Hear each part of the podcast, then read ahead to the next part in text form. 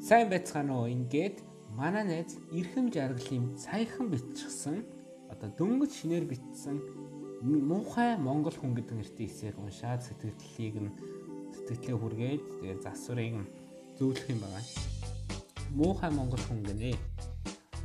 Сонирхолтой гарчиг байна. Муухай монгол хүн. За бүгдээ шууд уншиж эхлэе. Манай найз Ирхэм жаргал.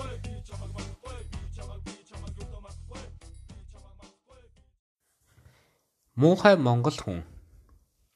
Эртний бүдүүлэг байдлаа сайшаан үзэж шинийг гоочж шилж байдаг хүн хамгийн муухай хүн шиг санагддаг.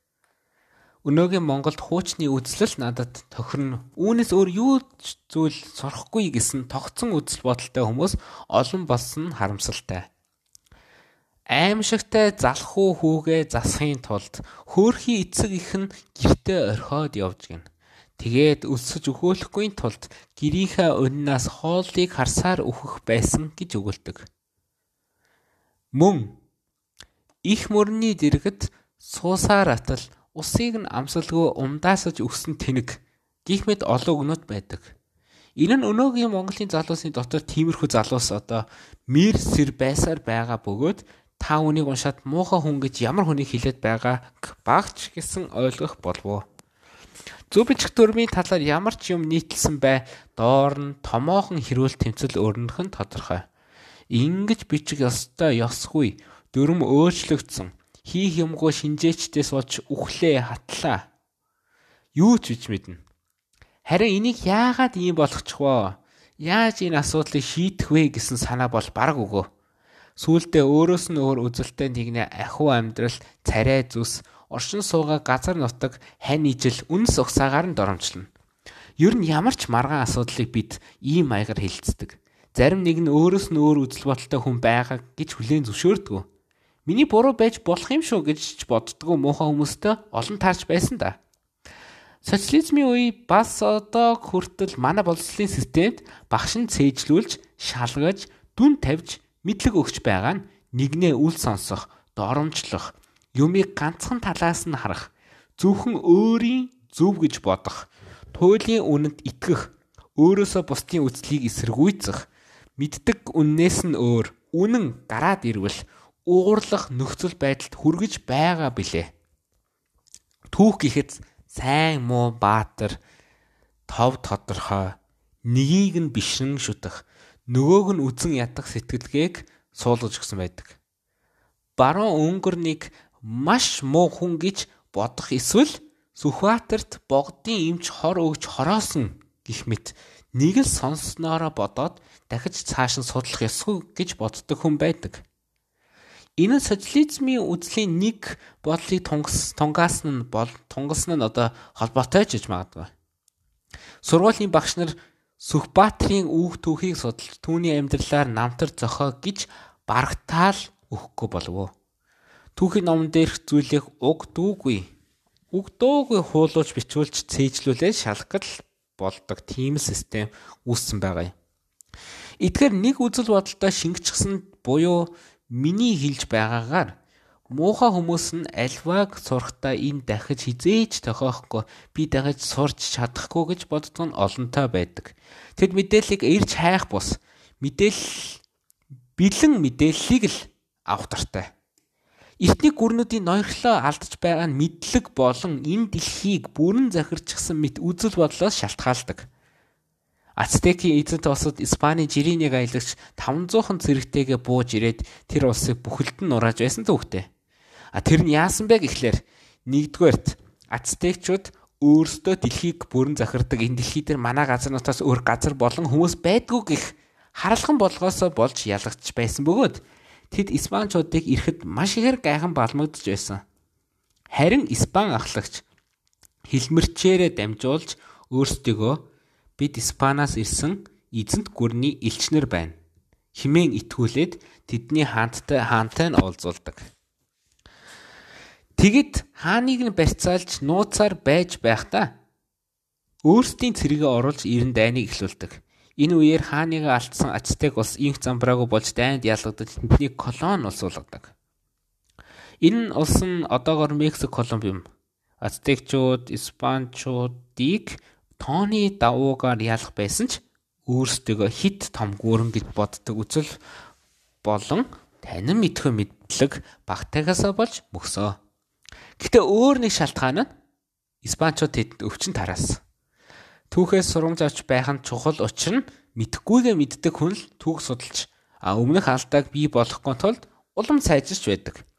Сапиенс гих номон дээр түүхийг бид яагаад түүхийг судалдаг вэ? Физик эдийн засгаас ялгаатай нь түүх яг нарийн урьдчилсан дүгнэлт хийх арга хэрэгсэл биш. А бид ирээдүгээ мэдхийн тулд түүхийг судалдаггүй. Харин өөрсдийнхөө мэдлэгийн хүрээг тэлж бидний амьдрч буй одоогийн байдлын ч үр дүн биш бидний төсөөлж чадахгүй маш олон боломж ар араасаа гарч ирдэг гэдгийг ойлгохын тулд түүхийг судалдیں۔ Жишээ нь Европчууд Африкчуудыг яаж дарлах болсныг судалснаар бид үндэснээр нь ялгарлах үзэлд ямар ч байгалийн хууль зайлшгүй чанар байдаггүй. А дэлхийн ертөнцийг өөрөө зохион байгуулж болно гэдгийг ухаарна гэж илэрхийлсэн байдаг. А бид түүхийг судалснаар бас хуучны муухай үзэл яаж бий болсныг судалж хэрхэн дарахыг мэдэж авдаг. Түүх хүнийг ингэж өөрчлөх чадaltaй. Хуучин мэдлэг бүрээ сольж шинийг сурч байх нь муухай хүн болохоос сэргийлнэ. Одоогийн зарим багш нар бэлэн мэдээлэл өгөх биш, өөрсдөөр нь хийх боломж олгож байдагт би баяртай байдаг. Манай сургуулийн монгол хэлний багш үргэлж ямар нэгэн зүйлийн зөрчлийг үзүүлж түүнийг өөрсдөөр нь судлуулж тайлуулдаг. Энэ миний сэтгэлгээнд маш эргээр нөлөөсөн гэж боддог. Эцэст нь хэлэхэд хүн болгоны зөв байдаг бөгөөд тэд юу гэж үзэх нь өөрсдийнх нь л хэрэг. Харин зөвийг та шийдэхин тулд ном уншиж, эрүүл хайгуул хийж байх хэрэгтэй. 6 цаг унтахыг энэ судлаач зүгээд үтсэн харин нөгөө судлаач нь буруу гэж үтсэн байг. Харин та энэ баримтын тусламжтайгаар 6 цаг унтах нь буруу гэж үзэж болно. Ингэж л хүн өөрийн зөв бурууг олдог. Муухай хүн болохгүй тулд өөрийн зөвийг хэмжих арга зүйтэй болох хэрэгтэй. Муухай хүн хിവэр үлдэх нь зөв үү? За ингээд эсэйг нь уншлаа. Тэгээд уншиж байхад бас өгүүлбэрийн бүтээс нь болоо жоохон а яг ингээд өгүүлбэр үргэлжлэх гэж байгаа болоо гэд амар амар амьсгаа аваад унших гэсэн чи яг ингээд цэгт байдаг ч юм. Эсвэл яг ингээд үргэлжлэх байхтаа гэж ясан чинь амар бүр бодсноос бүр их урт үргэлжилсэн ч өгүүлбэр байлаа. Тэгээд ерөнхийдөө санааных нь ховд зөвөр түүх ер нь түүхтэй л холбоотой санаа. Энэ бодвол яг түүхийн хичээл дээр даалгавар өгсөн ч юм уу нэг түүхтэй л холбоотой даалгавар юм шиг байна. Надад гарч нь муухай монгол хүн гэхээр арай л нэг багангийн хүүхд бичиж байгаа юм шиг. Муухай гэдэг үг бол зүгээр арай л нөгөө жижүүрний үг гэдэг шиг арай энгийн үг л санагдлаа л та. Тэгээд яг сольж олон солихгүй ч болно. За тэгээд бүтцийн хувьд миний бодлоор баримт хитрхи ихтчихсэн юм болоо. Яад бол ихний хэсэгт бол ингээд ишлэл авсан байсан. Бүр 2 3 ишлэл байх шиг байсан. Тэгсэн мөртлөө яг э, яг ямар учиртай хаанаас юу ямар хаанаас ирсэн ишлэлийн хиний хэлсэн ямар номон дээр байсан гэдг нь мэддэхгүй байна. А тэнгууд ойлгомжгүй байна. Ямар ч ихний цогцлбор бол ерөөсөй ойлгоогүй. А энд бол яг ихний цогцлбоос яг ихний үг л яг хуу э, санаа гарч ирж байгаа шиг байсан. Тэгээд яг араас араас нь яг хоёр ишлэл мишлэл шууд хойлон бант болгоод оруулчихсан юм шиг байна. За тэгээд зөв бичгийн алдаанаас зарим алдаанууд байсан шүү. Сайн байсан да гэдэг байсан заавад даа гэж чинь. Тий тэгээд аа Гэтэ мэдхгүй ямар ч хэлсэн 12 дахь ингээд дисэвчдэг байснаас муудцсан юм шиг санагдлаа. Ууг нь амар гой холбоод бичдэг байсан санагдаж байна. Эндээс яг голын хоёр хоццыг холбосон яг голын нэг амар том цогцлбор дээр арай л урт цогцлбор болчихж нөгөө ацтиктэй холбоотой. Тэгээ бүр нөгөө хүүрнсэн үйл явдал яриад явчих болохоор бас уртл болно л. Тэгтээ жоохон товчлог хэрэгтэй байхаа. Тэгэхгүй бол хүн ингээд 9 уншаад эхлээ за түүхээ өмнөх түүхээ ингээд яаж болохгүй ингэж болохгүй гэжсэн гинт юу юу ацтек үлээ ацтекийн түүхэнд орчих магадгүй Тэгээд аа тэгээ сүүлчийн яг хамгийн сүүлчийн цогцлбор дүгнэлт цогцлбор болох ёстой ярина ерөнхийдөө.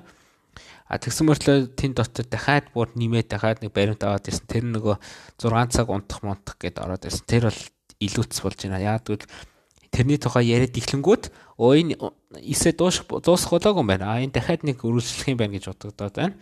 Тэгэхээр энэ ер нь бол төгсгөл хэсэгтээ дүгнэлт байхаас биш баримт бол байгаад дими юм аа а 500хан гэж бичгтээ зураас татна 500 цифрээр биччихээ зураас тавиад ХА ин гэж хийж болно.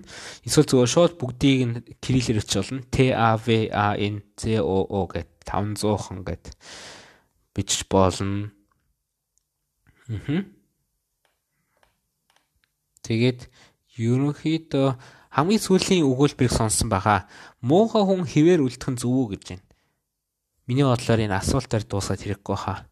Чи яг өөрийнхөө үзэл бодлоор л бичээд яг өөрийнхөө үзэл бодлоо яг ингэж бичнэ. Эсвэл чи энэ эсэргүүц нөгөө эргэцүүлсэн эсэ бичих гээд ингэж асуултаар үлдээсэн юм уу? Би бас эргэцүүлсэн эсэ бичих гэж жагаад ингээд ойлгомжгүй болгоод асуулт асуулт бичээд үлдээчихсэн шүү дээ. Яг аль нэг талд нь орохгүйгээр тайлбарлсан эсэ бол яг нэг аль талыг барина шүү дээ. Гэтэл энэ дээр надад бол яг эхлээд тайлбарсан шиг л мэдрэгдсэн. Тэгээд хамгийн сүүлчийн хэсгийг ингээд асуулт дээр дууссан мосгосныг нь бодоод үзэхэд эргэцүүлсэн эсэ ч юм шиг санагдлаа. Тэгээд ерөнхийдөө миний сая ойлгосон юм юу гэвэл яг юу ойлгож байгаа би ингээд өөр гурав дахь хүн ингээд уншаад юу ойлгож байгаа гэвэл түүхээ ухамсарлах хэрэгтэй, түүхээ мэдэх ёстой.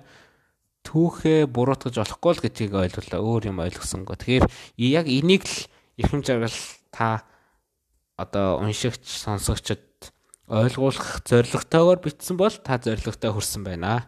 А хэрвээ та шаал өөр юм хэлэх гэсэн чинь би ингээд түүх өмнөх түүхээ өмнөх түүх чухал юм байна гэсэн тийм санаа авцсан байл. Тэгээ та амжилттай бичээг байна л гэсэн үг. За тэгээд баярлалаа. Сонирхолтой байсан байна.